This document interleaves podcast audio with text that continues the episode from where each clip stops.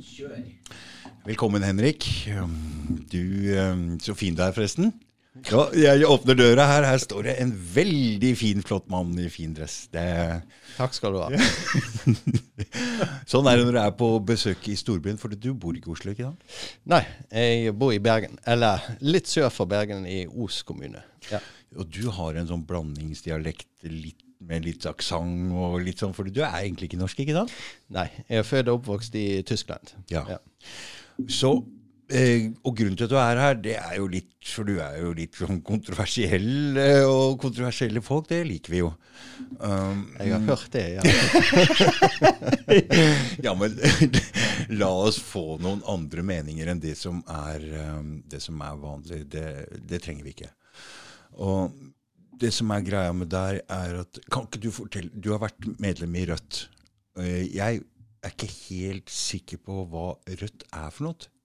Hva er egentlig Rødt, Henrik? Kan ikke du fortelle litt om hva slags folk er det egentlig som Sånn i begynnelsen Er det som ble medlemmer der? Hva er det de egentlig mener? Har det forandra seg noe? Er, kan ikke du fortelle litt om det?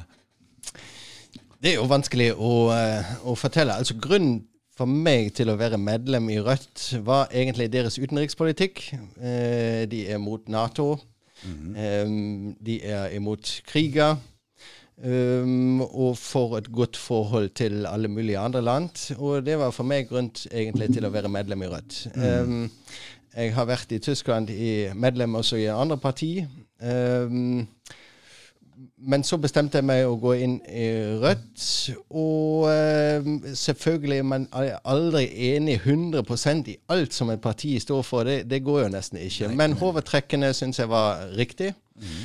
Um, og hvilke medlemmer er det? Det er en blanding av alt mulig, vil jeg si. Fordi um, Rødt har jo veldig bredt politikk. om når, Når ble du medlem uh, i Rødt?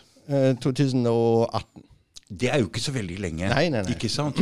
Jeg tenkte liksom, La oss få historien til Rødt her nå, fordi, fordi det har forandra seg litt. Har det ikke? Eller, eller er det alle partier forandrer seg jo. Eh, mm. Rødt kan du si var kanskje i begynnelsen en, en grasrotbevegelse.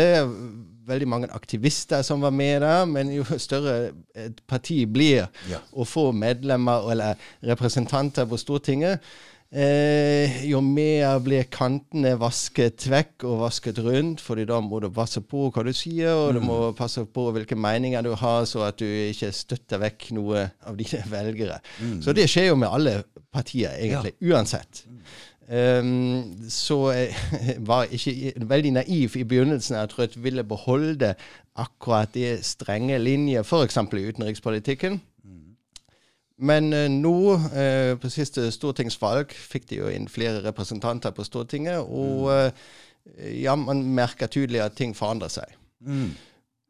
Men jeg vil si det er mange fornuftige medlemmer i, i Rødt. Ikke sant? ja, ja. Altså, mm. mange som står for fred, mange som uh, dette, dette, er jo litt, folk som er litt mer engasjert enn det som er vanlig. Ikke sant? Ja. Ikke sant? Er, de som er i Rødt, er mer engasjert politisk på en måte enn hvis du stemmer Høyre.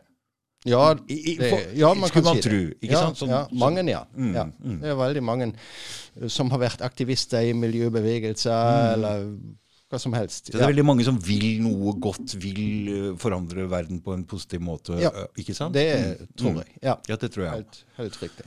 Ja. Men, men Henrik Du er ikke medlem der lenger nå. Nei. Uh, for du, du, har drevet med noe som du, dere kaller for um, folke... Hva, folke Diplomati. Folkediplomatiet. Ikke sant? Ja, Da må vi hoppe litt tilbake. Ja. Um, egentlig helt tilbake til 2014. Mm. Uh, da begynte jo denne krigen, eller såkalte anneksjon av Krimhalvøya gjennom Russland. Og uh, i Øst-Ukraina startet denne borgerkrigen i april 2014. Mm. Og så hadde jeg personlig den følelsen at pressen forteller oss ikke hele sannheten. Nei. Uh, vi hører bare veldig ensidig at Russland er skyld, og Russland har gått inn på Krim og tatt Krimhalvøya fra Ukraina osv. osv. Og jeg hadde sånn innefølelse at dette stemmer ikke. Her mangler jeg noe, noe av hele bildet. Mm. Og det var grunnen til at jeg har reist eh, flere ganger både til Krimhalvøya og til Men Øst-Ukraina. hvordan kom du i kontakt? Hvordan starta du det? Og hvordan ble du kjent med russere? Eller hvordan, hvordan skjedde dette? Jeg kjente ingen russere. Nei, Absolutt Nei, det, ingen. Bare begynte med det av deg sjøl. Det var bare sånn følelse at her stemmer et eller annet ikke, og her bygger vi opp en fiendebilde som egentlig ikke eksisterer på denne måten. Mm. Og her kommer uh, aktivisten, han som vil noe, Ja, forandre rein- noe, ikke sant? Ja, riktig. Ren aktivisme. Mm. Ja, for det Ja, personlig engasjement. Ja. Ikke, ikke betalt av Kreml. Til denne tiden. Nå eh, Ja, ja. Um, nei, så har jeg jo selvfølgelig eh, lest andre kilder og så videre, og fått kontakter med, med russere, og har hatt muligheten i 2016 for første gang å reise til Krimhalvøya. Jeg har vært med i en gruppe fra Tyskland som har reist ned der, og de har eh, da besøkt parlamentet og snakket med politikere og snakket med minoriteter der osv. I Donbass? Nei, på, på Krimhalvøya. på Krim? Og så fikk jeg da litt sånn det bildet for meg mer og mer at ok, det stemmer ikke det vi hører i vår presse. Det fins også en andre side som forteller noe annet. Og ut av dette skjedde altså Da kom jeg tilbake i oktober 2016, og så skrev jeg en avisartikkel i uh, Ny Tid. Og den uh, ble litt oppsiktsvekkende. Eller jeg fikk mange tilbakemeldinger av folk som var interessert i hva som vi hadde opplevd på Krim, og at de ville gjerne være med på Krim. eh, hvis det var mulighet for en norsk gruppe å reise ned der. Og det har vi da organisert, eller jeg organiserte en eh, tur for norske eh, deltakere. Men hva betyr det når dere kommer ned der? øh, dere er jo ikke turister. har dere noe kontaktnett? Hvem er det dere prater med, og hva er det dere gjør der? liksom? Sånn tenker jeg. Ja, på den første reisen da jeg var med i den, denne tyske gruppen eh, På Krim fins en tysk minoritet. Eh, de bor der i flere hundre år allerede. De er selvfølgelig ikke eh, Du kan ikke se at det er tyskere, de snakker russisk osv. Men den tyske gruppen hadde altså kontakt med de. Ja. De har invitert oss, og de kjenner også parlamentsmedlem, og de kjenner Så vi reiste rundt der i en, en uke og var på forskjellige det er den tyske Det er det den tyske Jeg kan ikke skjønne En tysker, han bryr seg om russere liksom, Så det er, det, er, det, er, det, er, sånn den henger sammen. En, Mhm. ja, en, en ja. rar blanding, kanskje. så vi reiste rundt på Krim da i en uke, og så på forskjellige severdigheter. eh, Svartehavsflåten. eh, Kjørte med båten rundt i Sevastopol, i, i havneområdet der. Eh, som sagt, besøkte restauranter, parlament, eh, alle mulige severdi- Severdigheter. severdigheter. Sånn. Mm, mm, Um, ja. Det, det var egentlig det. mm. Og det samme gjorde vi da også med denne norske gruppen i 2017, var det da. Mm. Og da bestemte vi at vi lager med de som var med, bestemte vi at vi lager en eh, organisasjon som heter Folkediplomati Norge. Den er registrert i Norge, som jobber for et, Forståelse. ja, et bedre forhold mellom Norge og Russland. Ja. forståelse. Det må ikke være politisk. Det kan være politisk, men det kan også være på idrettsnivå eller forretning eller kultur eller Uansett hvilken slags samarbeid med Russland for å få litt mer innsikt, litt mer forståelse. Hvordan russerne tenker, hvorfor tenker de på den måten? Og da tenker jo mange med en gang De har blitt lurt inn i propagandaen til Russland, ikke sant? Selvfølgelig. Selvfølgelig. Det er det hun tenker med en gang. Ja, ja, ja. Jo, altså vi fikk jo oppmerksomhet eh, med vår gruppe eh, fra russiske medier. De var selvfølgelig interessert hvorfor vi reiser til eh, Krimhalvøya. Eh, hva vi skal der, hvem vi er. Og gjennom de russiske medier fikk jo selvfølgelig også norske medier, Aftenposten osv. Eh, informasjon, og, og spurte da hva vi hadde drevet med. Hvilken vinkling ble det fra Aftenposten da? Aftenposten var, jeg tror overskriften var eh, 'Propagandatur til eh, Krimhalvøya'. Eller Ja, ja, ni, ja, ni nordmenn reiste på propagandatur til Krimhalvøya. Ja, Et eller annet sånt. ikke sant? Ja. Det ble sånn. Så, eh, Det var vel ikke forventet at det skulle være annerledes. Nei. Men, men, men på Krim var de nysgjerrig. De var nysgjerrige, ja. Mm mhm. Det er jo ganske klart. Selvfølgelig bruker de oss som kommer fra et vestlig land, og sier OK, her er ni nordmenn som er interessert i hva som har virkelig foregått på Krim. Mm. Så de bruker det jo også. Ja. Sånn er jo bare mediene funker. Mm. Men de var oppriktig interessert i hvorfor kommer vi der. Vi har blitt advart av Utenriksdepartementet i Norge til å reise der. fordi Hvorfor, det er hvor, fordi for det var krig, eller? Nei, på Krim var jo ikke krig, eh, krig men, eh, men Krim var jo annektert etter norske myndigheters oppfatning. Mm. Så norske myndigheter advarte oss, eh, og Utenriksdepartementet advarte oss til ikke å reise til Krimhalvøya fordi det var usikker, det var farlig osv. Men vi opplevde noe helt annet. Det var helt trygt, ikke noen soldater i gatene, eh, ingen krig. Eh, og helt Ja, du kunne nesten tro det var feriested. Mm. For Krim er et fint sted. ikke sant? Det, har vært eh, det har vært der hvor de har reist på sommerferie fra Ja, ja, ja. Russland og sånne steder. ikke sant? ja. Alle sovjetpresidenter og, og, og ukrainske presidenter har vel sin datsja der og mm. eh, reiser der på ferie. Veldig mange russere reiser på ferie til Krim. Mm. ukrainere, selvfølgelig. Eh, et veldig fint sted, ja. Veldig, strender og sånn. ikke sant? Og sørkysten er det Det er et feriested. I utgangspunktet er det et feriested, ja. Så jeg kan bare anbef anbefale å reise der. ja. Pluss at Svartehavsflåten til eh, eh, Russland ligger der. Og Ja. den har alltid ligget der i mange hundre år. ikke sant? Ja, Fordi det det er det et viktig, viktig, viktig sted, strategisk sted til, um, Absolutt. til Ja. Svarte Hva er det heter noe? Ja, Svartehavet Svarte. er jo det. Mm, Ja, mm. ja, riktig. Så den har jo alltid vært der. Ja. Riktig. Så, det, så på den måten så Hva var det egentlig som skjedde? Hvordan klarte mm, han Hvilken president var det som ga eh, fra Sovjetunionen som ga Krim til Ukraina? Hvordan klarte han å gjøre den tabben? Hæ? Altså, I utgangspunktet spilte det jo ingen rolle denne gangen. Det var Sovjetunionen. Du kunne bare skyve deler av et land til et annet. Det- spilte ingen rolle, fordi styresmaktene satt i Moskva uansett og hadde full kontroll på alt som, som skjedde. Men hvis du hadde ikke hatt sånn dobbeltmoral som vi, hadde, vi har i dag, så skulle du allerede sagt da, denne gang, dette er strider mot folkeretten. Å bare gi en del av et land til et annet land uten å spørre befolkningen der. Men det har jo ingen, eh, ingen gjort denne gangen. Det var Sovjetunionen, og de kunne bare skyve alt frem og tilbake så som de ville, eh, uten at det hadde noe som helst konsekvenser. Men det har jo selvfølgelig blitt en konsekvens i 2014, Ja, da det skjedde statskupp i Kiev, og befolkningen på Krim sa at hallo, vi er ikke innforstått med, med det statskuppet da. For det var et statskupp, ikke Ja, det var det. Men det fins jo forskjellige oppfatninger. Selvfølgelig. Mange Det- ville si det var et demokratisk eh, overtakelse. Hvordan kan de si at det var en demokratisk overtakelse? For det var jo eh, De skufla jo altså Nå har jeg bare hørt Nistads forklaring og sett Ja. Ukraina. Så jeg har jo ikke egentlig fått den eh, vanlige forståelsen som vanlige normale folk har. Du kan Så- lese boken min. Ja, det, ja. kan, det kan du lese.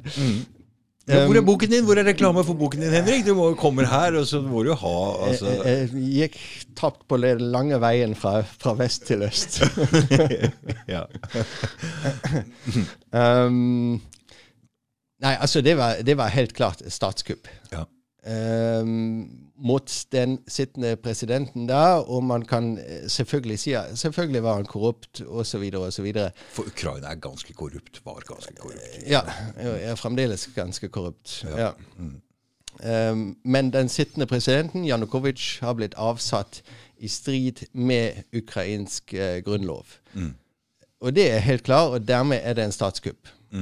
Så befolkningen i Øst-Ukraina, som føler seg tiltrukket til Russland, og befolkningen på Krim, som hovedsakelig er russisk, de var ikke innforstått med det statskuppet og sier at eh, hallo, dette er vår regjering plutselig eh, satt av, og en ny regjering satt inn, som ikke er valgt på noe som helst måte, en overgangsregjering.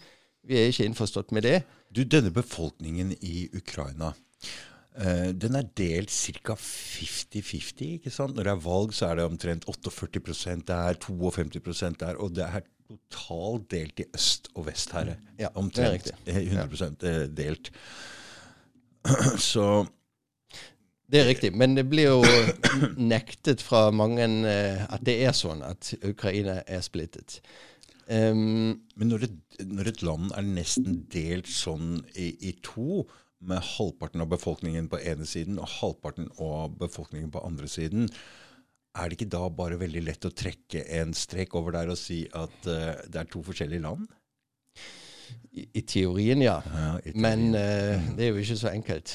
Eh, Ukraina er jo for så vidt en suveren stat. Ja, mm. Hvem skulle bestemme det? Nei. Nei. Det måtte jo da befolkningen gjøre sjøl, Ja, eventuelt. Mm. Men det hadde vært en god løsning på den konflikten, kanskje? Ja, kanskje ja. Mm. Det er litt uh, vanskelig å si. Mm. Eller det er jo ukrainere som må bestemme det egentlig sjøl. Mm. og ikke vi i Vesten, fordi vi veit hvordan demokratiet funker. Uff, uff, uff. Vi skal ta eh, Vi blander oss borti mye rart. Ja.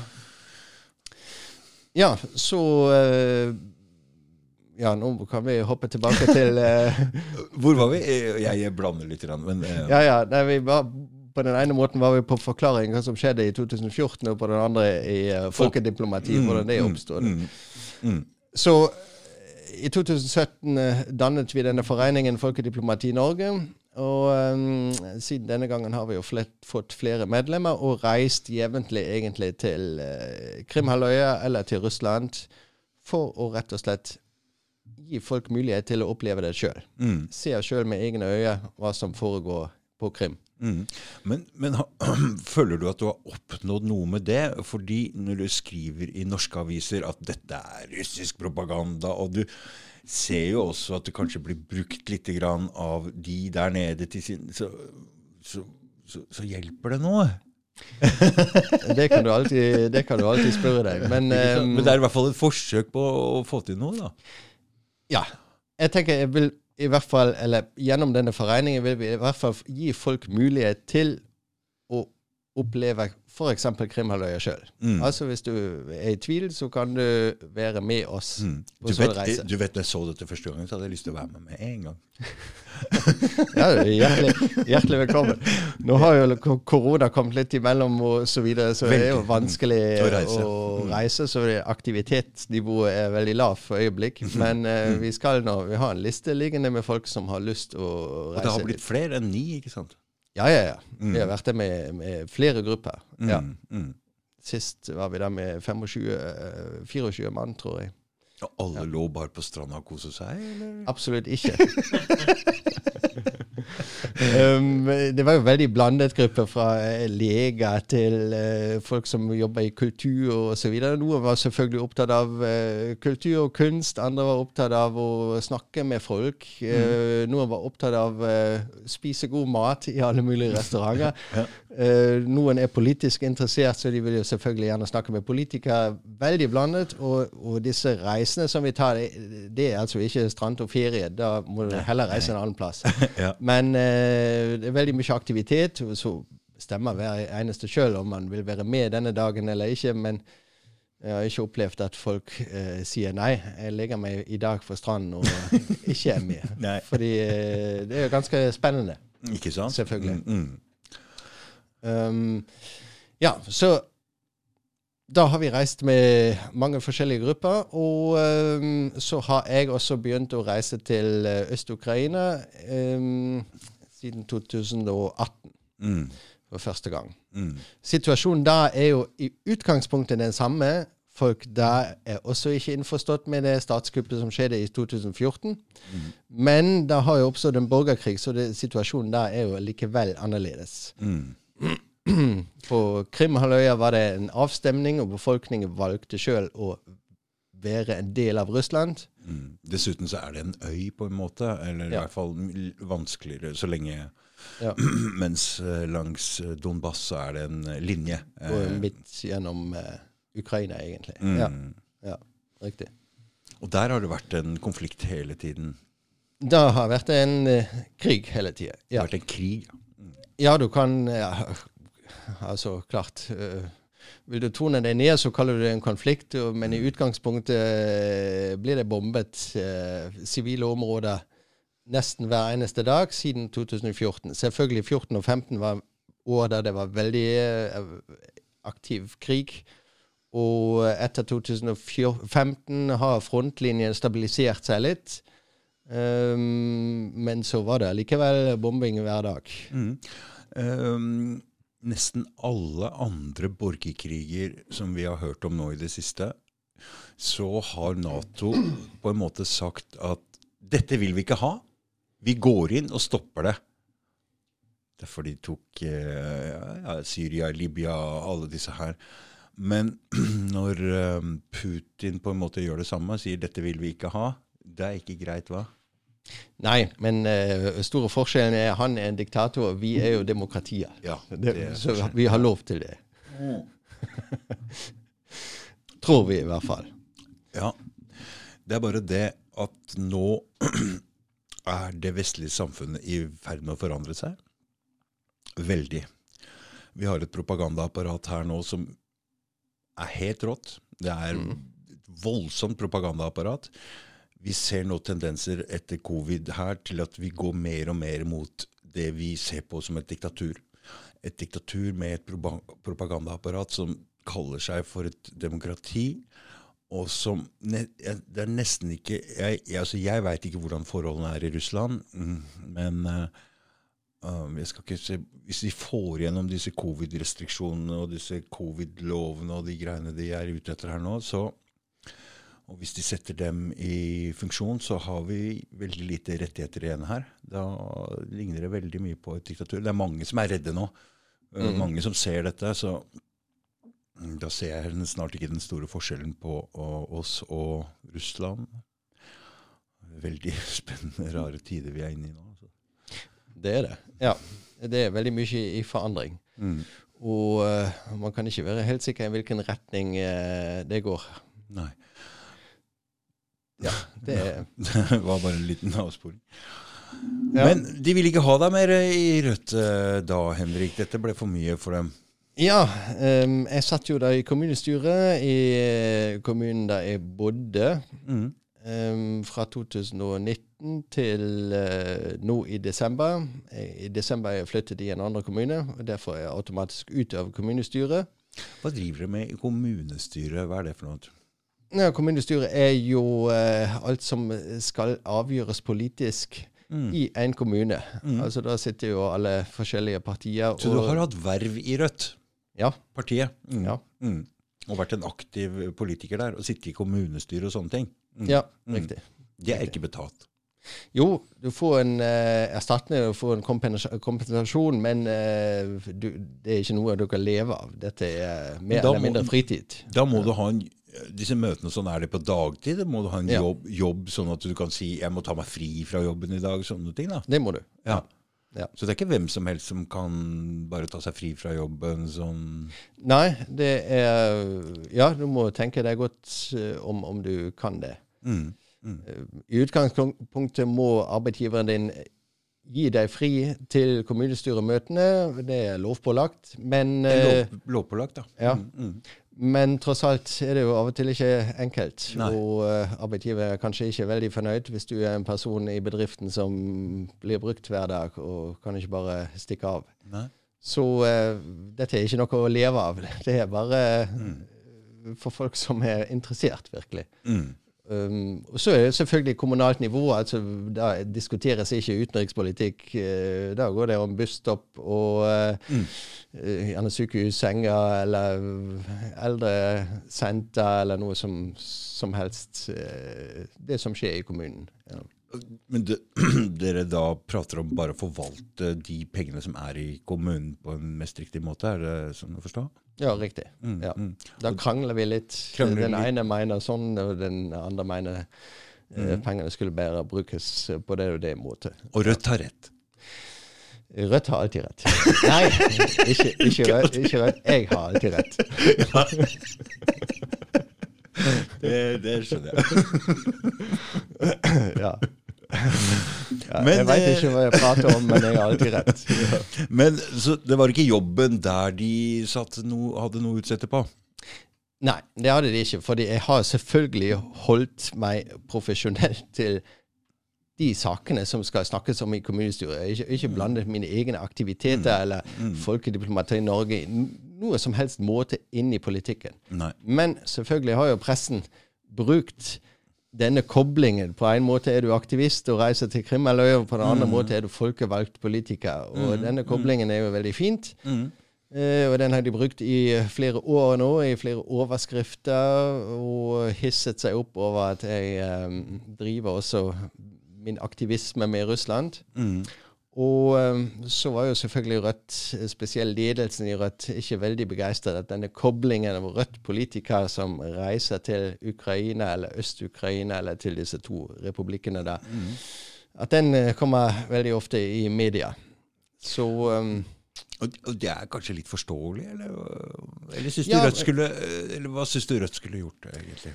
Der? På en måte kan jeg godt forstå det. Mm, Det, det er helt greit. Men da skulle Rødt, og da spesielt Rødt sentralt i Oslo, snakke med meg på noe som helst måte, fordi vi har aldri snakket sammen. Nei. Rødt har sagt at de har tatt avstand, det har de sagt hele tida i avisene, men det har aldri vært en samtale mellom Nei. meg og mine aktiviteter og Rødt.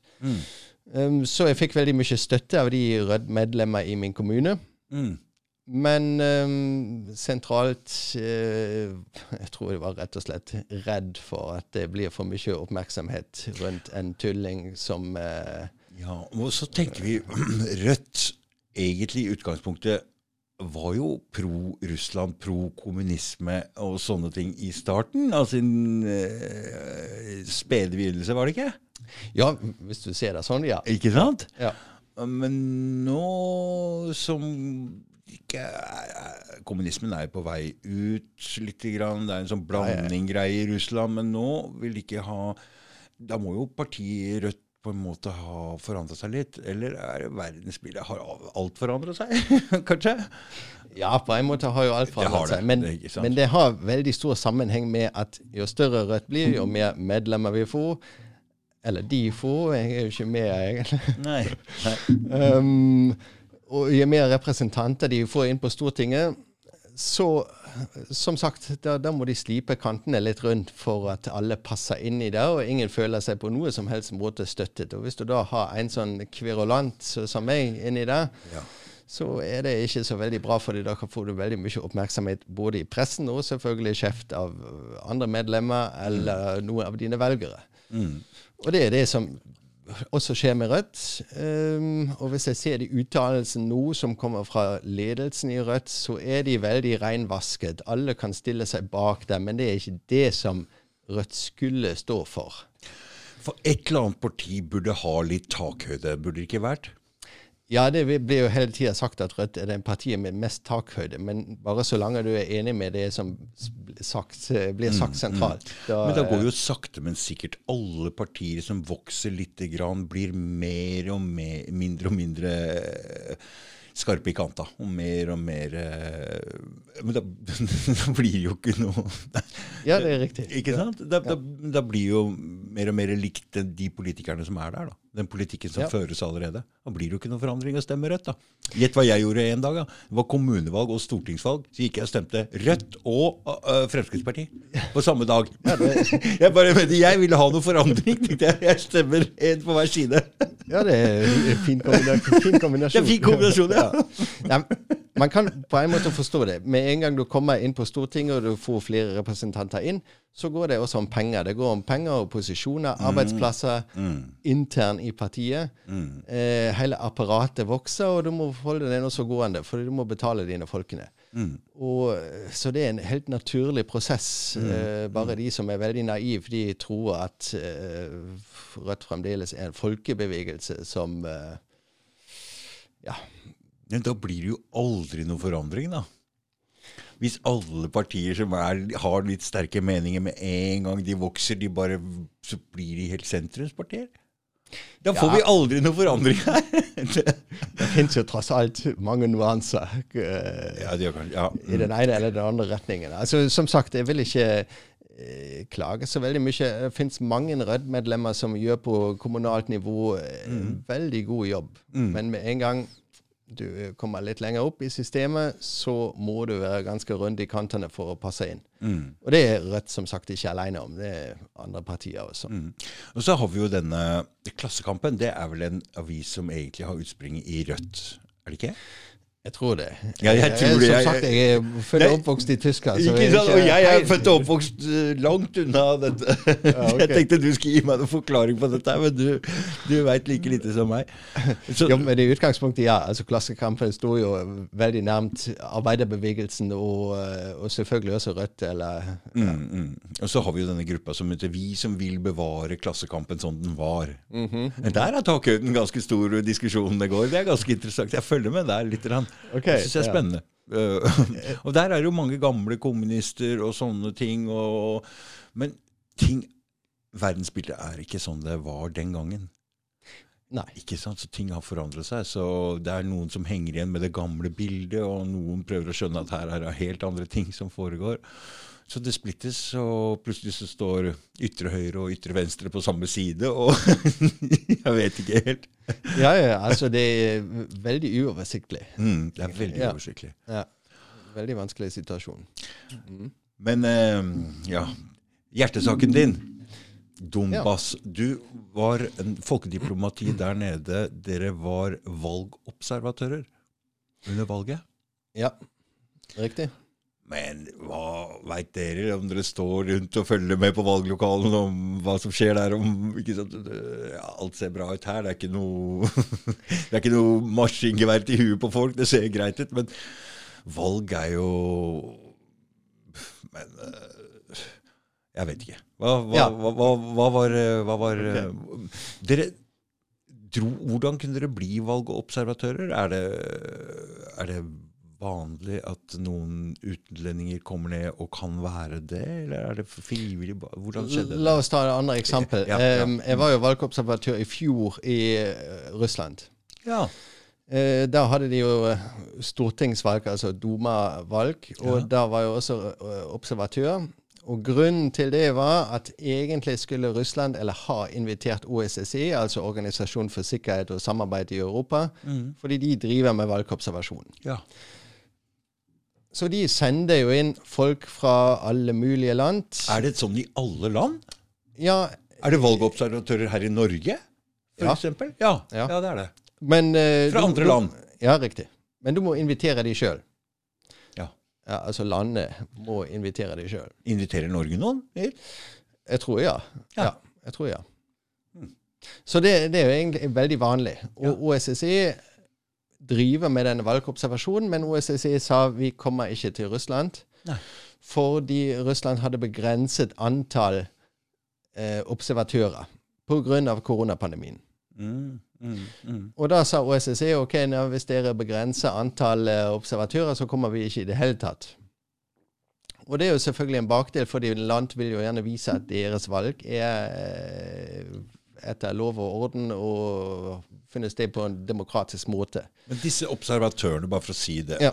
hva er det de observerer? Går de bare på valglokalene, eller får de se hvordan stemmesedlene blir behandla, hvordan de eh, liksom hvor, hvordan, det, hvordan hele prosedyren foregår? Ja. Mm, du Altså, du, ja, riktig. Du observerer eh, på utsiden av valglo- valglokalet, men også inni valglokalet. Og du eh, har lov til å vase rundt der og Ja. se hvordan folk eh, stemmer. Om de eh, står i lukkede kabiner, eller om de fyller ut eh, om, om, om folk må vise pass for å få stemmeseddel, Mm. hvordan stemmeseddel blir lagt i boksen, osv.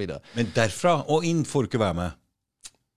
Ja. Selve den, etter at de er lagt i boksen, så får du ikke lov å se hva, hva skjer med de stemmecellene og sånne ting på bakrommet, hvordan de teller dem opp og sånn. Det får du ikke se. Det er riktig. Det er mye vanskeligere. Men, men de har også tilgang da. Ja. Eh, men selvfølgelig er det bare en lite utklipp. Altså, Mm. Men samtidig må man ikke tenke at valgobservatør er en høyutdannet person. Nei. Mm. Altså Det kan være hvem som helst som, eh, som eh, melder seg også frivillig og deltar i disse OSSE-observasjonene. Mm. Um, så siden OSSE hadde da avlyst valgobservasjonen valgobservasjoner i Russland, så har russiske myndigheter bestemt seg å invitere folk som kommer som valgobservatører. Mm. Um, og da spurte de annet uh, også meg. Ja, men skulle ikke de spurt noen som var litt mer eh, mistenksomme? ja, det, det, kunne du jo. Men vil, hvem vil du spørre da? Fordi hvis OSSE har i en offisiell statement sagt vi kommer ikke fordi uh, vi hadde gjerne kommet, mm, men uh, vi mm. kan ikke la antallet av observatører redusere, mm. hvem hadde kommet da? Nei, ikke sant. Så det eneste muligheten Russland hadde, var jo å invitere Folk som, folk, folk som eh, de har på listen på en eller annen mm. måte og mm. kjenner til og veit mm. at de hadde kommet. Ja. Mm. Betalte de reise og sånn? De betaler flyreisen, men ingenting ellers. Nei. Det er din fritidsaktivitet, mm. egentlig. Mm. Så, det vil, så, det koster deg litt penger, og du må ta fri fra jobben og sånne ja. ting? ikke sant? Så det er... Ja. Det er også ikke for hvem som helst. Ja. Mm. Fant du noe snusk? Nei, Nei det, fant, det, fant, jeg ikke.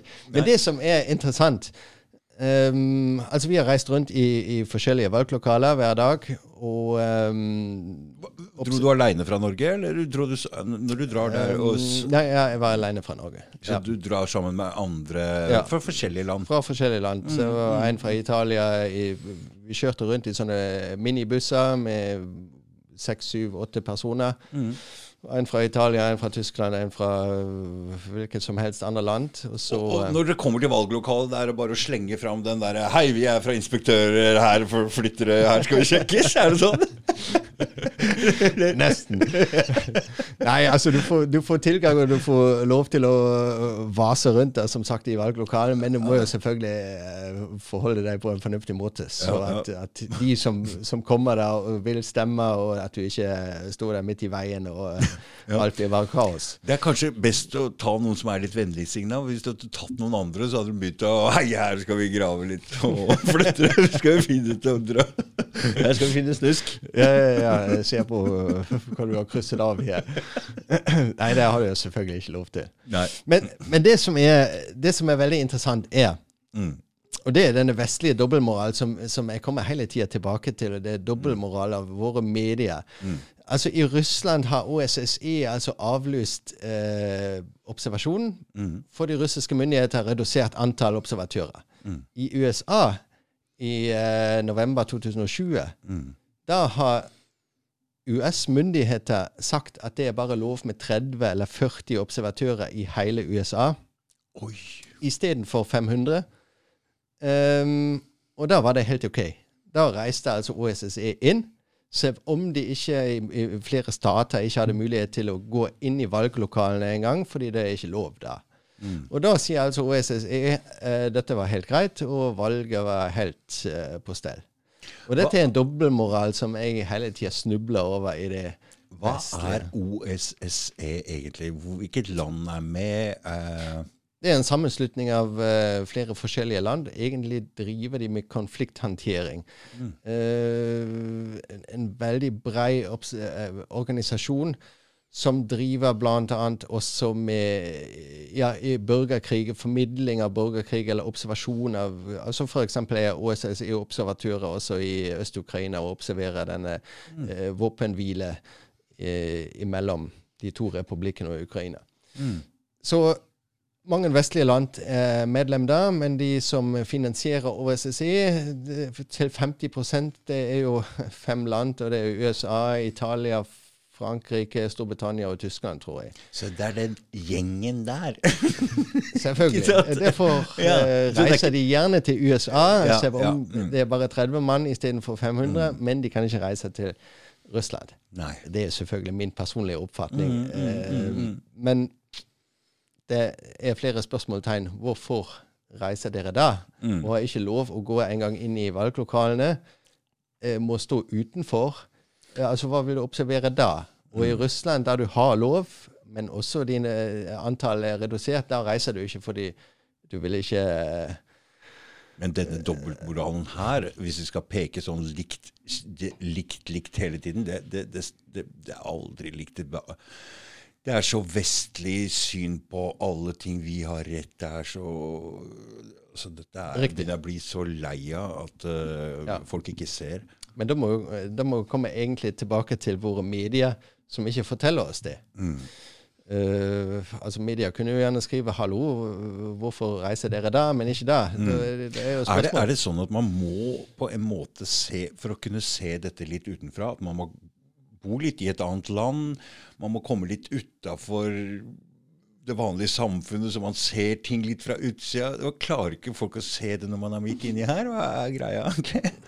Jeg veit ikke. Nei, jeg tror ikke at du må komme fra et annet land. Det hjelper kanskje at du har Mm, vært i et annet land og sett at For du må se ting litt utenfra eller ovenfra Ja, eller ja. fra en annen vinkel for å se at dette ikke stemmer.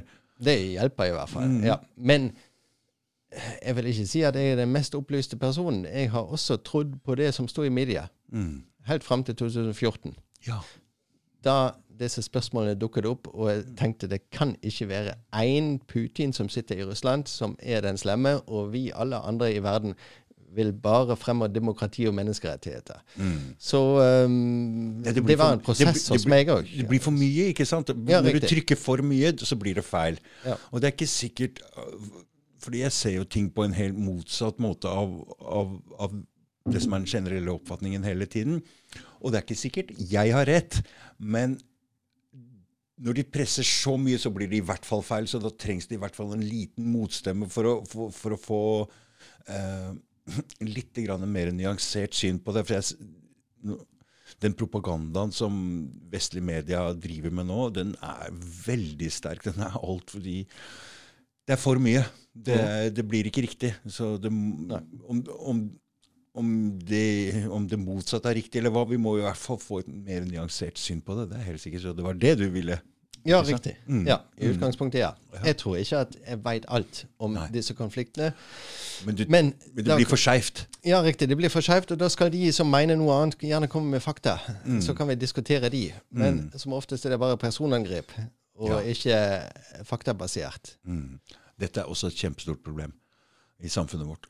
At vi ikke kan diskutere, ikke snakke om ting på en ordentlig måte. Um, ikke vil, men det er vel kanskje sånn når det foregår på nett. Det er veldig lett å være aggressiv og kappe ut Det er ikke sånn folk snakker når vi møtes face to face.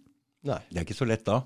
Nei, det er ikke så lett. Det skulle vært debattforum, det skulle vært, en, det skulle vært et sted hvor det hadde gått an å snakke på en ordentlig måte, men jeg hørte Glenn Diesen var eh, på et sånt forum. Det var ikke lett å holde en ordentlig debatt der heller.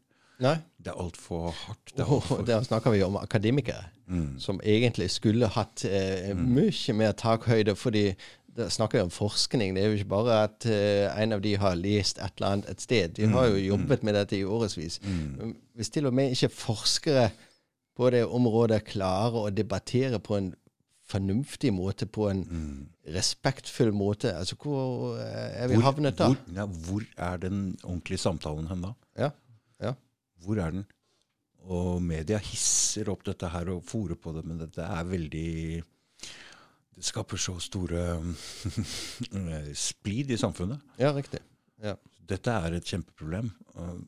Så Så noen må ta tak i dette. Vi må, trenger et nytt medie. Vi trenger, noen må vise oss hvordan en debatt foregår, tror jeg. Ja, jeg, Ja, jeg altså- mener det ærlig talt. For det, det vi ser av diskusjoner og sånn på TV, det er jo poli mest politikere. De kommer jo inn med partiprogrammet sitt i hånda. De kan ikke fravike det. Nei. Da kan det aldri bli noe løsning på uh, den, det de debatterer. Så det er egentlig det motsatte av det jeg vil si en, Ja. en samtale, en diskusjon om et problem vil være. Da, fordi de bare vrir seg unna. Det er om å ikke svare, det er om å liksom bøye, vri unna. Det- og hvis vi tror at det er sånn vi skal diskutere et problem, ja, da, da, da vi, må, vi må lære dette på nytt. da blir det vanskelig. Ja. Ja, det blir vanskelig. Det er veldig vanskelig å være offentlig med sin mening, og du sier jo forskjellige politikere. I vår forening Folkediplomati Norge har vi eh, folk som er medlem i SV og Rødt og Senterpartiet og Frp og oh, ja. eh, Senterpartiet osv.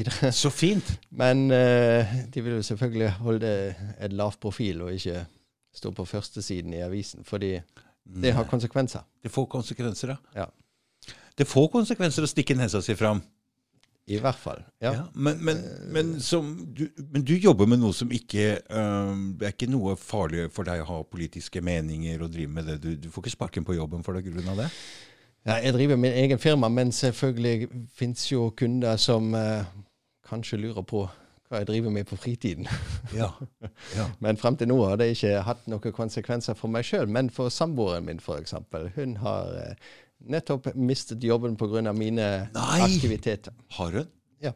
Dette, dette, dette For nå er eh, Jeg leser jo ikke aviser eh, lenger. Jeg bare orker ikke. Jeg klarer ikke. Ja. Men når jeg ser noe greier på Facebook hvor de legger ut at øhm, alt dette hatet mot russere nå det har tatt helt av. Hvis det stemmer, da, det, at de ikke får advokathjelp hvis det er russisk Dette går over stokk og stein. Og hvis det har gått utover kona di med jobben og sånne ting Dette må vi snakke om. Ja. Dette er ikke greit.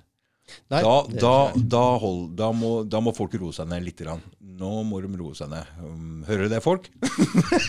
Nå må dere roe dere ned. Nei, dette er ikke greit. Hva, hm? Vil du vil, vil, Blir det um, Altså, nå Til en viss grad kan vi snakke om det. Ja. Rop opp og spør, for hun er her, ikke sant? Hun sitter oppe. Hun- hun hun Kjenner seg ja. litt Sitter på Ja. Ja.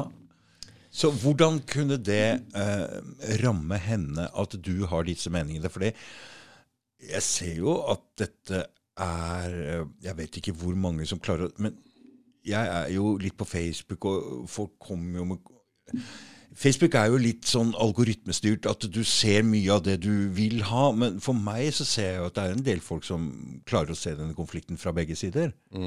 Det er det. Og jeg ser jo det på den podkasten med Nistad også, at den har jo blitt sett av veldig mange.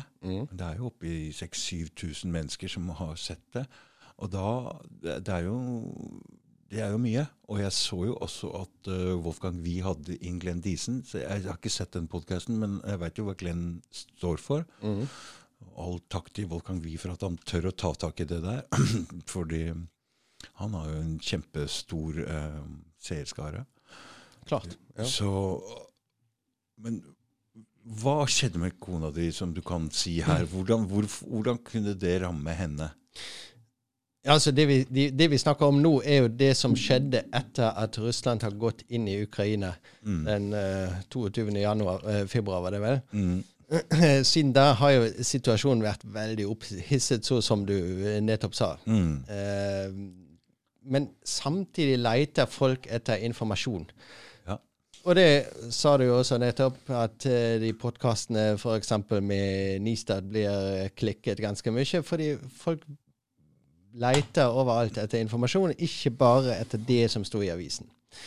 Så eh, situasjonen har jo vært veldig eh, urolig akkurat de siste to ukene. Og um, det, samboeren min hadde en kontraktsforhandling egentlig om å fortsette som fostermor.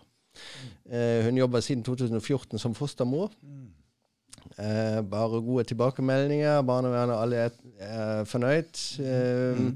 Hun har veldig god samarbeid med foreldrene til denne ungen som uh, vi har hos oss.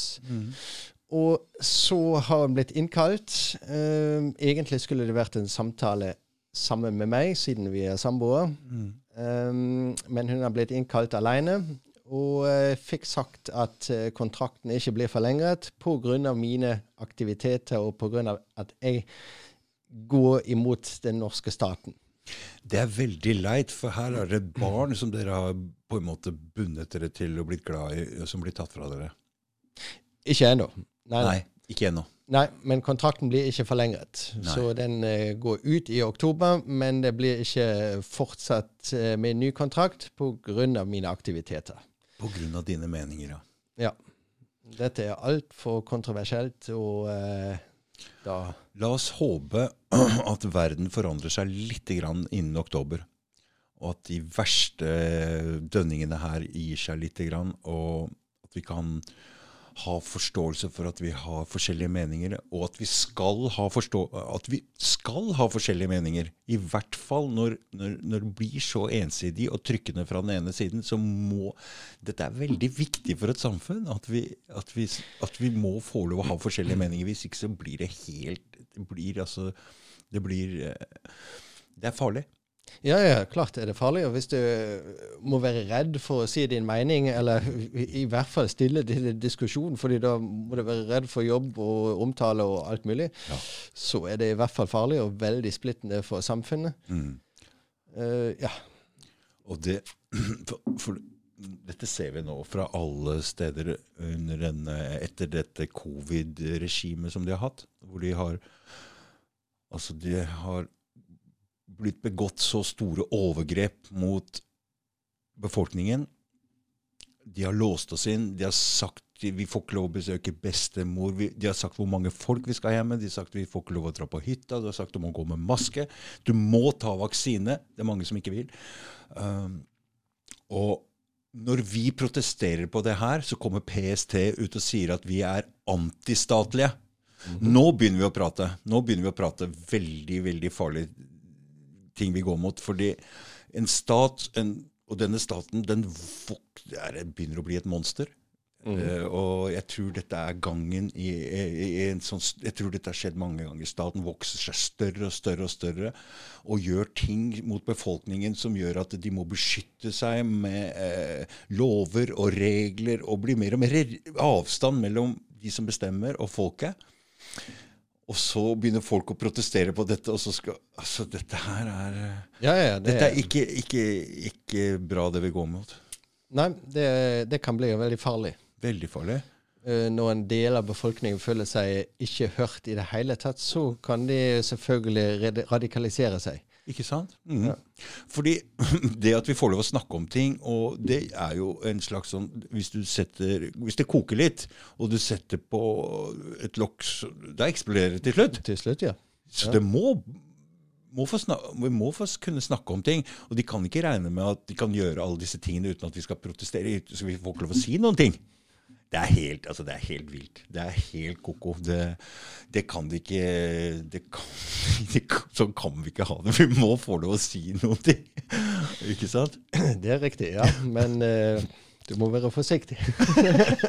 ikke jeg. Nei, ikke du. Du har en stor fordel. ja. Ja. ja. ja. Nei, men du, du, er i hvert fall ikke velkommen i en kommunestyre. Nei, men jeg skjønner ikke helt hva de driver med der heller, så jeg tror ikke det er så jævlig, veldig mye dere får uh, eh, utretta der heller. Sitte der og Når kom du hjem til kona di sist og sa 'Yes! Nå har jeg fått endelig eh, utretta noe!' Etter all den tida jeg har sittet der. og så var det bare å få flytta et busskur. Det er mulig, det, men, men likevel må jo jobben gjøres av, av noe. Ja da. Um, mm. Det er jo mange spørsmål som uh, må avgjøres i en kommune. Og uh, hvilket andre organ har du som kan gjøre det Neida. på en noenlunde demokratisk måte? Mm. Um, så jeg er ikke imot kommunestyret. Nei da. Nei, men det er vel en utakknemlig jobb, eller er det? Ja, ja, det er det. Ikke sant? Ofte, ja. Mm. Det er mye tid man bruker for å krangle om ting som uh, Ja. Som egentlig ikke hadde vært uh, uh, nødvendig å krangle om. Nei. Fordi de vil ikke høre, ikke sant? Ja, noen, noen vil ikke høre, noen vil høre for mye. Det, det det er interessant. Men for, jeg, jeg, ja, Du skulle gjerne visst mer om hvordan dette politikk foregår på litt høyere nivå. Hvordan, det, hvordan, de bestemmer seg for ting. Ja, det er et godt spørsmål. Av og til. Ja. Men kommunepolitiker Så den, den, det er borte fra deg nå, Henrik. og du, Bor du i et stort, uh, stor, uh, stort sted, eller hva? Mm, nei. Um, altså Alva kommune, da jeg var medlem av kommunestyret og har bodd til uh, desember, er jo 30 000 innbyggere ca. Mm, mm. Um, og nå er jeg flyttet som sagt til Os. Det er, det er, litt, det er litt, større. Det, ja, det første Ja, det, de har jo også slått det sammen, så nå er det Bjarnafjorden kommune. Ja. Men Hva var, var det første stedet du sa det? Alva. Altså, det er helt ukjent. Os har jeg hørt om. så det må være større. Ja, det, Alva er også en sammenslått kommune fra eh, tre kommuner, Radøy, Lindås og Mæland. Mm. Mm, for dette driver med å slå sammen kommuner overalt. Ja, vi skal jo spare penger overalt, og Mm, eh, ja. Hva syns du om det? At de slår sammen? Er det effektivt? Er det bra? Eller? Nei, det, Nei. er- Nei. det fører til store innsparinger, selvfølgelig. Eller skal det, i hvert fall. Det er jo utgangspunktet. Mm. Men til slutt gjør det ikke det allikevel. Og det ser du allerede nå i mange sånne sammenslåtte kommuner, at Mm.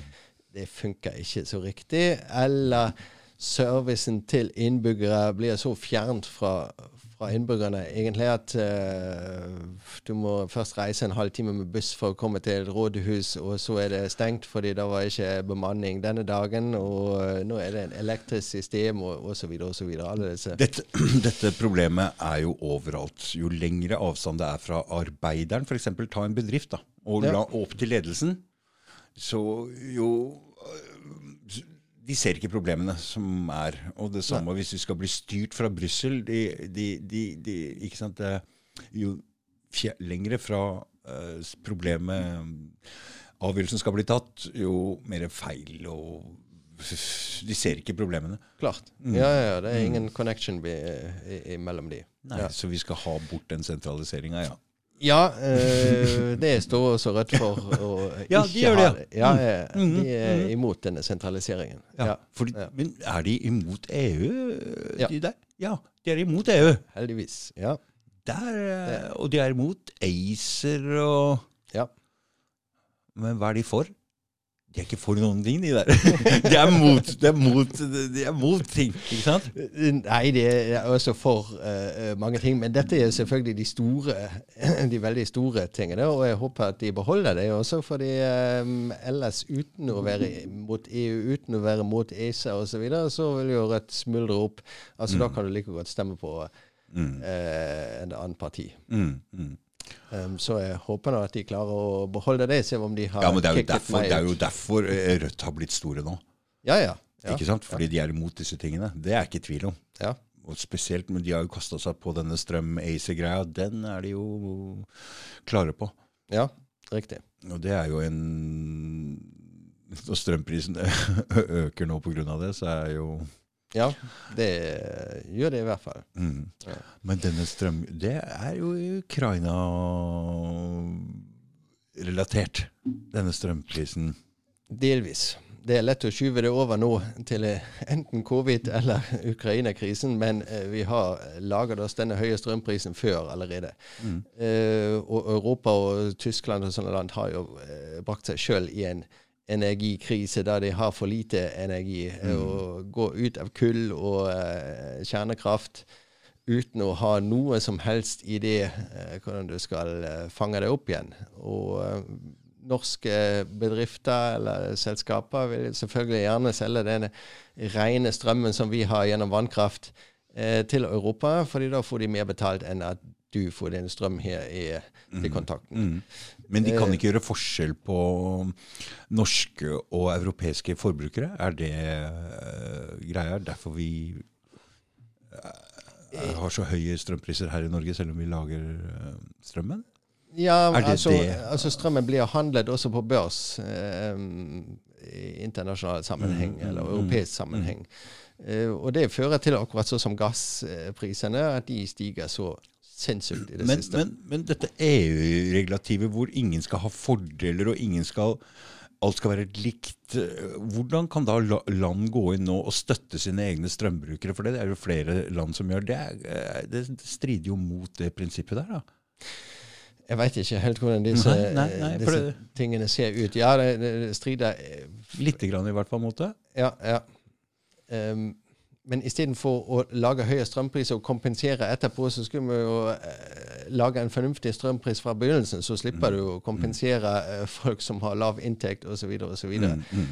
Vi bygger jo opp et, et sinnssykt komplisert system til slutt, mm. da du må vise hvor mye du tjener om du kan betale strøm. Så Ja. får du kanskje en kompensasjon eller eh, tilskudd eller noe. Mm. Eh, vi skal jo sørge for at den strømmen som vi produserer her, og vi bruker her, har en fornuftig pris, så, så at staten kan leve av det, Mm. eller strømselskapene, og at eh, norske innbyggere eh, klarer å betale det. Men det er en annen ting også som ikke noen prater om, og det har jo vært med å grave ned disse kablene for elbiler, ladestasjoner. Og disse kablene er så tjukke, de suger så mye strøm, at eh, Og så vidt jeg har forstått, så er det jo nettet som er problemet. Over, eh, altså det, det, det tåler ikke så mye strøm, så det er jo derfor de har satt inn disse målerne, sånn at vi skal liksom justere oss når det er billigere, da brukes det mindre, at vi, bruker, at vi fordeler strømforbruket vårt litt utover døgnet. Men hvis de mener Jeg skjønner ikke hvordan de kan få dette til å gå opp, men hvis de mener at alle bilene her i Oslo innen 2030 skal gå på strøm det, det, må bruke mye Det bruker mye strøm, det òg. Jeg tror vi, vi har ikke batterier til alle disse bilene. Det, er sjelden Det er dårlig, det er noe som ikke stemmer med planlegginga her, tror jeg. altså.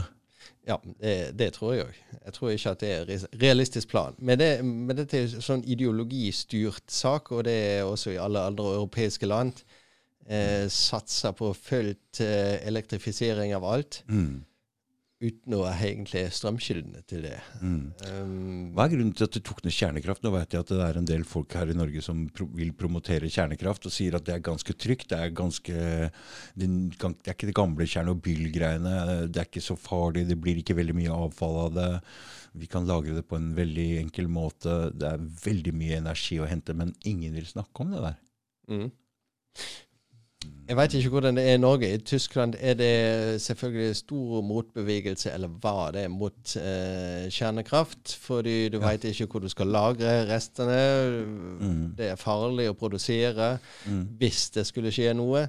Mm. Så det er en veldig stor motbevegelse mot kjernekraft. Mm. Men klart, altså teknologien har også forandret seg, og det Mm. finnes nye måter å gjøre det på. Jeg tror nok at eh, over kort eller lang eh, vil de komme med noe nytt. Mm. Og må, rett og slett. Fordi hvis vi nå stenger gassrørledningene til kommer det. Russland fordi Da kommer det inn problemene i bildet. ikke sant? Ja, Den nye ja. gassrørledningen, det var vel den som skulle løse energimangelen i Tyskland? Ja. Som ikke Ja. vil bli åpna i det hele tatt. Og Ja. da er vi inne på noe annet. Sanksjoner. Ja. Fordi her er um, det vi ser nå med Hvis folk tror bare at det er den strømregninga si som er dyrere, så må de skjønne at all produksjon, alle kjøle kjølelagre rundt omkring. Alle må, er nødt til å heve prisene. Så her, her, prisen, vi ser jo matvarepriser, alt går oppover. Og samme med frakt. Når bensin, diesel, sånne ting går opp i taket, så vil all, dette her vil bli veldig veldig dyrt for oss. Og dette har noe med sanksjonene mot Russland å gjøre. Mm. Hvor er vi på vei hen, Henrik? For dette her eh, Det er et godt spørsmål. Altså, tanken min hadde jo vært at Norge som et lite land som blir satt på som nøytral Altså, vi Ja, er ikke ja, nøytrale. ja, mm. Men som blir satt på som nøytral, skulle vært en formidler mellom øst og vest. Mellom Mm. Europa og Russland, mellom USA og Russland. Men det gjør vi ikke. Vi henger oss bare på sanksjonene. Mm. Ehm, vi interesserer oss egentlig ikke for denne konflikten som har foregått i Ukraina siden 2014. Vi interesserer oss først de to siste ukene for det. Mm. Ehm, og så sier vi nå må vi sanksjonere Russland enda mer. Vi har jo allerede sanksjonert Russland og befolkningen på Krim Mm. I 2014, men nå skal vi sanksjonere enda mer uten at vi egentlig er klar over hva vi setter i gang. Mm. Ehm, Fordi Norge eh, Vi hadde jo lyttestasjoner her i Norge mot eh, eh, Sovjet. Amerikanske lyttestasjoner. Men da sa vi men vi vil ikke ha amerikanske folk som styrer dette. Og vi vil ikke tirre Sovjet sånn, så vi må ha norsk personell. mm, Det, sånn var jo politikken her i Norge før. mm. Men nå nå har vi amerikanske baser med amerikanske soldater og amerikanske våpen på norsk jord. Ja. Uten at dette har blitt diskutert veldig eh, offentlig. Um, Vi amerikanske atomubåter uten at vi vet om de har med seg nuklearvåpen Mm. om bord. Vi kan ikke kontrollere det. Vi må bare stole på at de sier uh, nei, det har vi ikke. Mm. Så selvfølgelig er vi et mål, plutselig. Mm. Denne debatten er ikke veldig vært mye snakk om. Nei. Det har bare vært en glidende som plutselig så er det sånn. Mm. Hva er det som har forandra seg her? Det er godt Ikke spør eh, deg, du er jo tysker! du veit ikke noe om det her! Jeg veit ikke noe om det her! Jeg har ikke fulgt med. Nei, men eh, jeg regner med at en, en grunn til hvorfor eh, dette går så fint, er fordi Stoltenberg er ja, altså Jens Stoltenberg er generalsekretær av Nato. Det er jo Ja. sikkert en grunn til å få dette lettere inn. Og det spesielle er jo at den gangen som det var sånn at vi ikke ville ha Da var jo øh, han Dette er bare noe jeg har hørt, men at han var mot Ja, ja. Nato-medlemskap. ja. Han. ja. Det fins jo avisartikler òg. Ikke sant? Så i, i, i, akkurat som han har forandra seg helt til å bli en krigshisse for Nato, så har Norges holdning til hele dette også forandra seg. Mm. Og ingen andre skjønner hva som har skjedd. Hva har skjedd? Hvordan kunne dette skje? Men det er Ja, det, altså, dette kan jo selvfølgelig diskuteres i dagevis Mm, hvordan det har skjedd, men eh, fakt er at det har skjedd. Det har skjedd. Uh, Mm. Og nå sitter vi der og er egentlig avhengig av eh, USA til slutt, som Veldig. styrer sine baser her. Og eh, de sier da ja, men folk, folk som jobber der, roterer jo, så de blir eh, skiftet ut etter tolv måneder. Ja, russerne bryr seg ikke om det. De sier hallo, dette er jo, dere har forandret deres eh, sikkerhetspolitikk. Mm. Um, uten å snakke med oss Ja, og så har klimaet i Norge blitt så tøft om å snakke om dette her, at fordi du snakker om det, så ser du at det får konsekvenser for, for kona dis jobb som fostermor. Så klimaet i Norge er blitt helt annerledes. Ja, jeg sier jo bare at eh, jeg prøver å forstå hva Russland tenker, eller hvordan de Mm. tenker. eller... Og så blir jo selvfølgelig kalt eh, putinist og betalt av Kreml osv. osv. Så, Jeg ser du har fine klær, men uh... ja, ja, ja, alt er betalt av den russiske regjeringen. ja. Ja. De kommer alltid med sjekk i postkassa. Ja. ja. Riktig. Um, så selvfølgelig jeg, jeg, jeg er jo for så vidt et enkelt mål, fordi jeg har reist der flere ganger. Jeg har uttalt meg om dette, så er det veldig lett for media eller sånne organisasjoner som Helsingforskomiteen osv. Så, Dette er et interessant greie. Hva er Helsingforskomiteen? Det- For det, den har jeg hørt litt om. Det er en uh, menneskerettighetsorganisasjon i utgangspunktet, men de skjummer seg kun om spesielle menneskerettigheter. Mm. altså veldig selektiv. Mm. Eh, og er egentlig uh, Russland-fiendtlig. Ja. Eh, på alle områder der de, ja, de kan skrive eller rapportere et eller annet imot Russland, så er de på plass. Ja. Det er mange sånne organisasjoner som var, eh, begynner som noe, men som utvikler seg til å bli eh, et slags lignende en propagandamaskin. Er det ikke? ja. Vi ser det med mange ting. Jeg har jo hatt inn folk her som peker på de, de, de, de, de. Så Ja. de blir kuppa, eller hva er det? Ja, det er jo veldig enkelt. Eh, Ja. Hvis du finansierer de på riktig måte Ja. og fra de riktige kildene, så mm. er det jo lett å kuppe hvilken som helst organisasjon. Altså. Jeg vil ikke engang si at Helsingfors komité gjør det ekstra, eller, men det er jo bare sånn. Altså, hvis uh, avisene får statsstøtte og kan bare overleve med statsstøtte, så uh, klart, da tenker du som redaktør Mm. litt grann hva du skriver. Klart det, for du har ansvaret for de ansatte, ikke Ja. sant? Og Ja. sånne ting. Og du tenker jo først og fremst på deg sjøl og familiene til dine og sånne ting. Så det er Klart, jo så det er en helt naturlig det er helt naturlig. Mm, Ja. mm. Men uh, den er jo selvfølgelig ikke bra. Eh, eller hvis, så måtte den være helt åpenlyst. Altså, Ja. hvis du er racerbilsjåfør, så har du eh, klistremerke eller eh, Mm, mm, et eller annet på jakken som viser hvem betaler deg. Ja. mm, mm.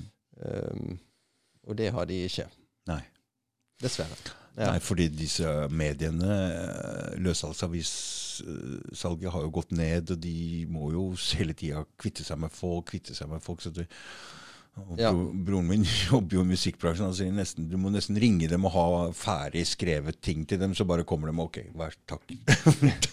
takk, da har du gjort jobben. Ja, ja, så slipper vi å gjøre noe. Jeg ser det veldig ofte også på de artiklene som blir skrevet om uh, meg eller organisasjonen vår, at eh, egentlig er hele artikkelen ferdig. Det mangler bare et sitat eh, fra meg som de kan klippe og lime inn, og ferdig. Mm, mm. Um, og så får jeg det korrektur tilsendt til korrektur eller sitatsjekk, og så er hele artikkelen ferdig. Um, Men, men, men så, så, så du er litt i, i, de Avisene liker å skrive litt om deg, og det liksom, du er blitt en, er blitt en slags figur her nå, Henrik?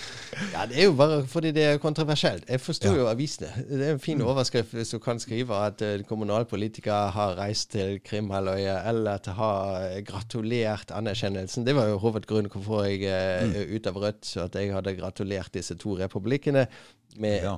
Anerkjennelse. Men det visste Eh, du at kom til å bli kontroversielt? Ja, selvfølgelig er det kontroversielt, men jeg kan diskutere grunnlaget for hvorfor jeg Altså, det, jeg har ikke bare skrevet det sånn ut av uh, løse luften. Jeg har en uh, begrunnelse for det. Mm. Og uh, man kan gjerne diskutere denne begrunnelsen, men det har jo selvfølgelig aldri skjedd. Nei. Og Rødt har heller ikke spurt meg. Det er Føler du deg litt sveket av ledelsen i Rødt, som ikke tok kontakt på en ordentlig måte og snakka med deg? Ja ja, men det er ikke noe nytt. Det er for lenge siden. Mm, mm, mm. Det går helt fint. Ja. Så jeg eh, Som sagt, jeg har vært eh, medlem i også av andre politiske partier. Jeg er ikke eh, så naiv at jeg tror at Rødt er den eneste partien som kan eh, være det beste for Norge. Mm. Um, til slutt er alle partiene like. Nå er det noe vi, prata oss litt bort fra. For det, du, vi, vi, du sa du hadde vært i Russland som um, valgobservatør, men vi hoppa over valget i Donbass og det greiene, gjorde vi? For der har du også vært valgobservatør, ikke sant? Ja. Det er ikke noe annet å melde der enn at du tror at det gikk eh, fordi, Fortell litt grann om De hadde en folkeavstemning der og prøvde å løsrive seg fra Ukraina. og Det har jo skjedd før andre steder hvor det har blitt Ok, dere får lov til det, men det er jo litt men da, hva slags, Du sa det, det er opp til Ukraina å dele seg sånn. Hvordan er det andre steder det har foregått, og hvor er det det har foregått hvor de har en liten gruppe Det er Jugoslavia, ikke sant? Mm. Eh, og hvem var det som bestemte det? Det var jo ikke Jugoslavia som bestemte det, det var noen andre, ikke sant? Det var noen andre, ja. Ikke sant? Ja. Da var det lovlig fordi det var eh, demokratisk. Eh, alt som skjer i Øst-Ukraina, er ikke demokratisk, og det Altså forenklet sagt, Ja. selvfølgelig.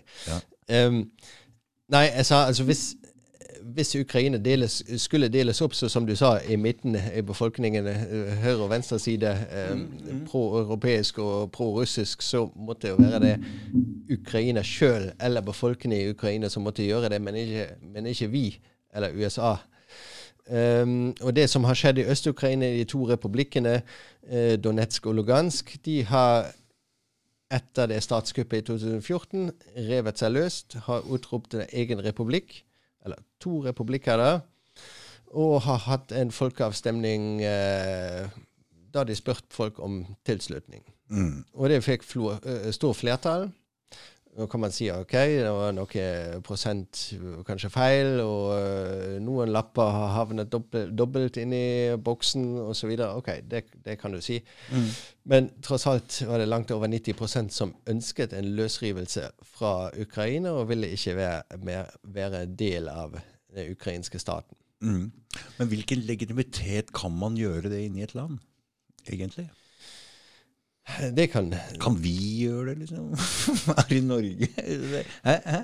den, Dette er veldig vanskelig å diskutere, fordi eh, avisene eh, eller eh, politikere, statsviter, de argumenterer der ifølge folkeretten er det ikke mulig. Nei. Men folkeretten sier ingenting om en løsrivelse, om en separasjon av en stat. Fordi en separasjon av en stat eller en del av et land er en intern, en intern sak som folkeretten ikke omtaler. Nei. Folkeretten går imellom stater og forholdet mellom stater, men ikke om interne ting i staten. Så hvis de, hvis de da altså sier at uh, ifølge folkeretten er det ikke lov å rive seg løs, så stemmer det. Men du kan også snu det om, fordi folkeretten sier ingenting om det. Uh, du kan også skrive ifølge folkeretten er det lovlig. Uh, ja, Det sier ikke noe om det? Så, nei, sier ikke noe om det. De legitimerer jo denne løsrivelsen med at den ukrainske staten har gått i oppløsning gjennom statskupp. Ja. Den valgte presidenten har blitt satt av mm. i strid med grunnloven. Mm. Dermed er den ukrainske staten egentlig datt fra hverandre. Det fins ingen legitime regjering. Mm. Det sier de. Og derfor vil de ikke lenger være en del av det, og revet seg løs. Men hvordan er den andre historien om det skiftet av statsminister der? Ja. Um, den offisielle vestlige ja. styrte historien om hvordan de skifta president. Uh, hvordan er det den går? Jeg har ikke hørt den engang, jeg. Nei, den, den, går veldig enkelt. Det var demokratiske demonstrasjoner på Maidan-plassen i Kiev. Mm. Da det ukrainske folket ønsker å sette av president Janukovitsj fordi han eh, var korrupt, og fordi han ikke ville skrive under denne assosieringsavtalen eller denne med samarbeidsavtalen med EU. Mm. Mm. Og så kom det inn en overgangsregjering. Det er den offisielle versjonen. Så da er det lovlig å sette av en statsminister uten noe valg, bare fordi det kommer en haug med demonstrasjoner, og da sier de at folk Så en demonstrasjon kan egentlig, eh, hvis det er nok folk på en demonstrasjon, så kan vi egentlig avsette regjeringa og si at folket vil ikke ha den lenger, og så tar vi et nyvalg. Er det sånn å forstå? Hvis det hadde vært nyvalg, eller hvis presidentene hadde eh, innvilget og, å, å, tre av, og så blir det nyvalg med en gang, da er det greit. Ja. Men det har jo ikke skjedd. Uh, han, nei, han, nei. Han, han, er blitt satt av i strid med, med ukrainsk grunnlov. Ja. Altså Det var en avstemning på parlamentet i Kiev Um, der de skulle stemme over han. Mm. Men det var ikke nok prosentantall uh, til, stede. til stede. Så uh, mm. ja. I tillegg var jo selvfølgelig på Maidan alle disse voldshandlinger ja. som uh, Janukovitsj-regjeringen ble anklaget for. Mm. Alt dette kan diskuteres i det uendelige. Mm. Hvem som var ansvarlig, og hva som egentlig har skjedd. Mm. Hvorfor er det fremdeles ikke mm. oppklart etter åtte år snart. Um, men hovedpoengene er at presidenten var til denne tiden Janukovitsj. Mm. Og han har blitt satt av i strid med ukrainsk grunnlov. Fordi det ikke var nok folk til å stemme over det i parlamentet? I parlamentet, ja. Mm. Så de har en sak, de Donbas uh...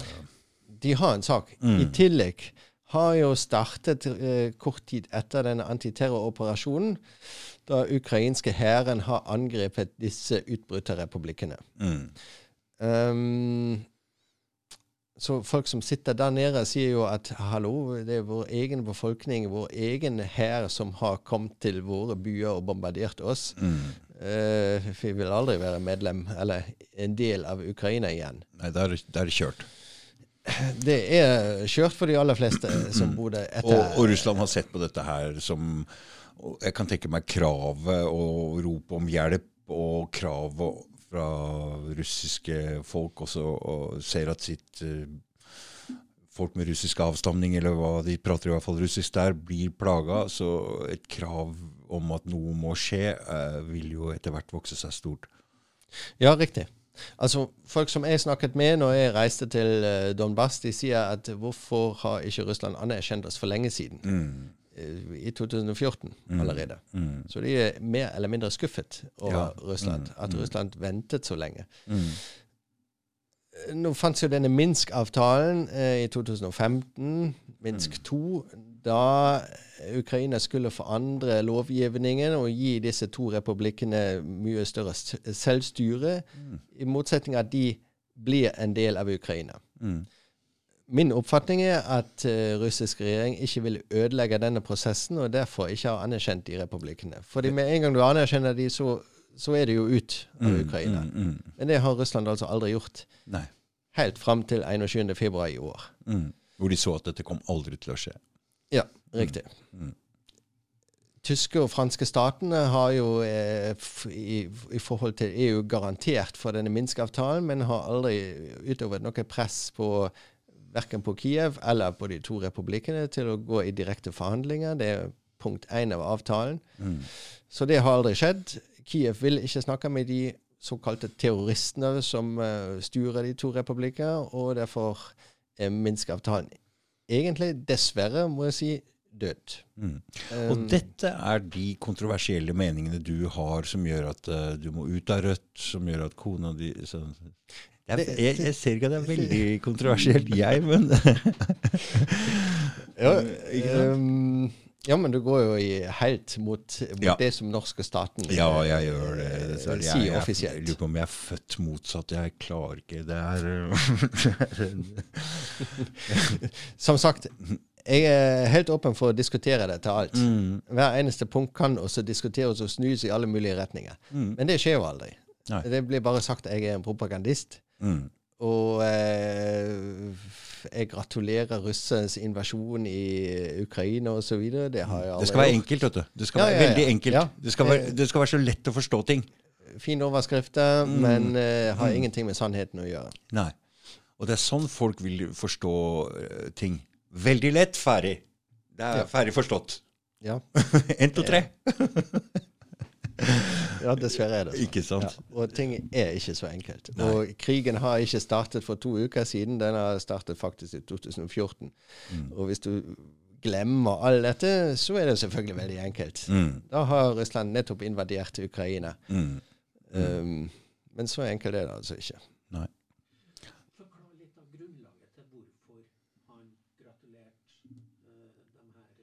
Nye republikkene.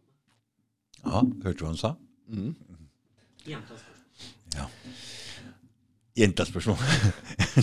Faen. ja. Har du passet på?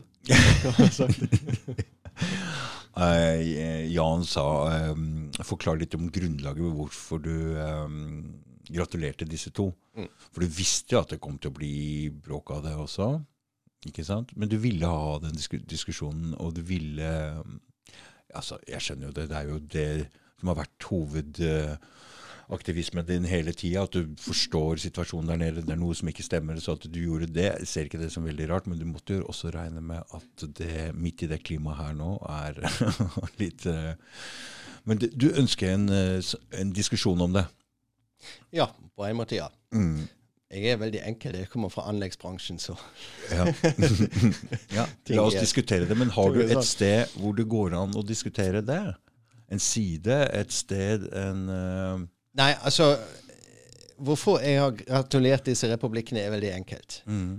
Jeg har som sagt vært i Donbas-områdene flere ganger siden mm. 2018. Mm. Jeg har stått foran disse bombete husene.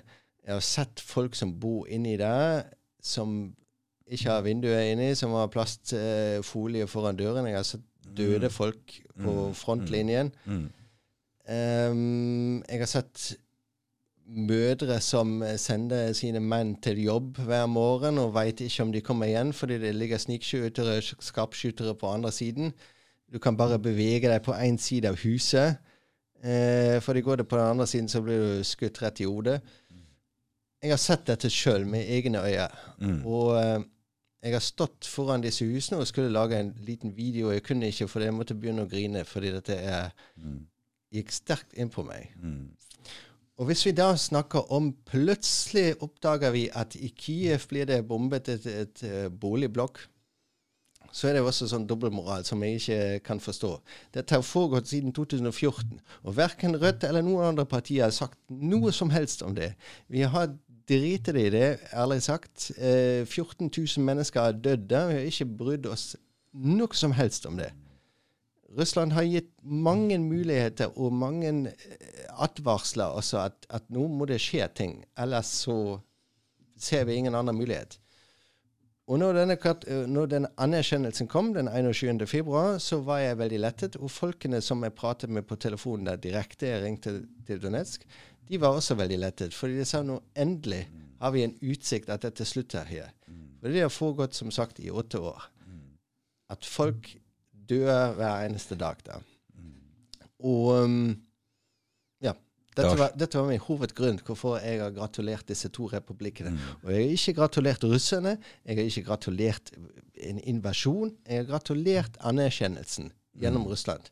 Fordi jeg var klar over at selvfølgelig vil de to republikkene, som selvstendige republikker, invitere russiske myndigheter eller russiske armeer inn i deres territorium for å forsvare dem eh, mot disse granatangrepene.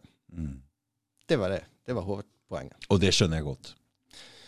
Det skjønner jeg veldig godt. Ja, man må, eh, man må kjenne forhistorien, ellers så uh, veit man det selvfølgelig ikke. Men eh, jeg har fortalt denne forhistorien, men uh, dette er ikke så viktig. Jeg har gratulert uh, Putin som en diktator, og dermed er jeg ute av uh, min parti.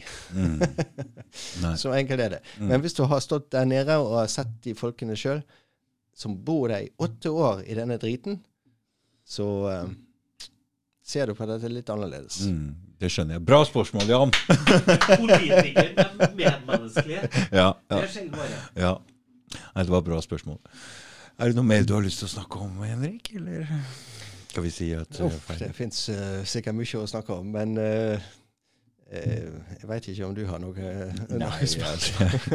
jeg syns det var en bra avslutning, for da fikk vi hele forklaringa Ja. på hvorfor, eh, hvorfor du har gjort som du har gjort. Og det er ikke for å mm, skape noe kontrovers eller noen ting. Det er rett og slett fordi du brenner for de folka som bor der nede. Du kjenner mange der nede, Mm. Og du har sett problemene deres. Mm.